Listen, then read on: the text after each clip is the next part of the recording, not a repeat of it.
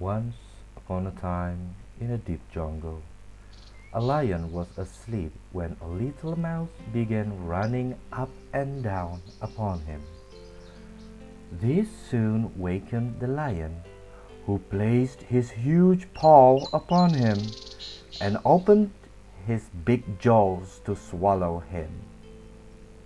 Pardon, O king, cried the little mouse. Forgive me this time. I shall never forget it. Who knows but what I may be able to do you a turn some of these days? The lion was so tickled at the idea of the mouse being able to help him. Ha ha ha ha ha ha! Oh dear little mouse, you promised me a help. What a funny idea! Look at me. I'm bigger than you. I'm stronger than you. How could you offer me help?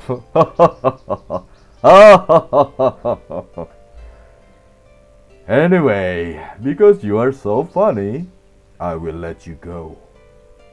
And the lion lifted up his paw and let the mouse go.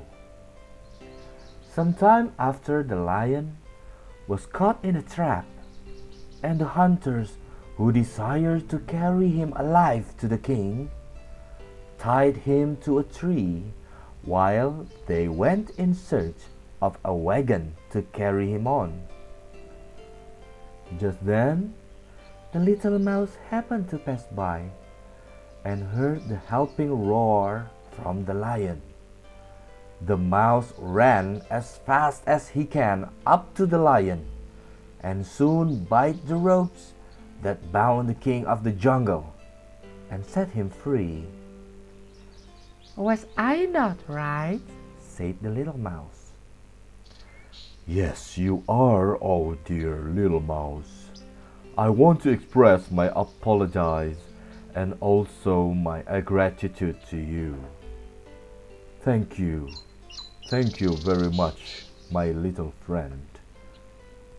Since that time, the lion and the little mouse became best friends ever after.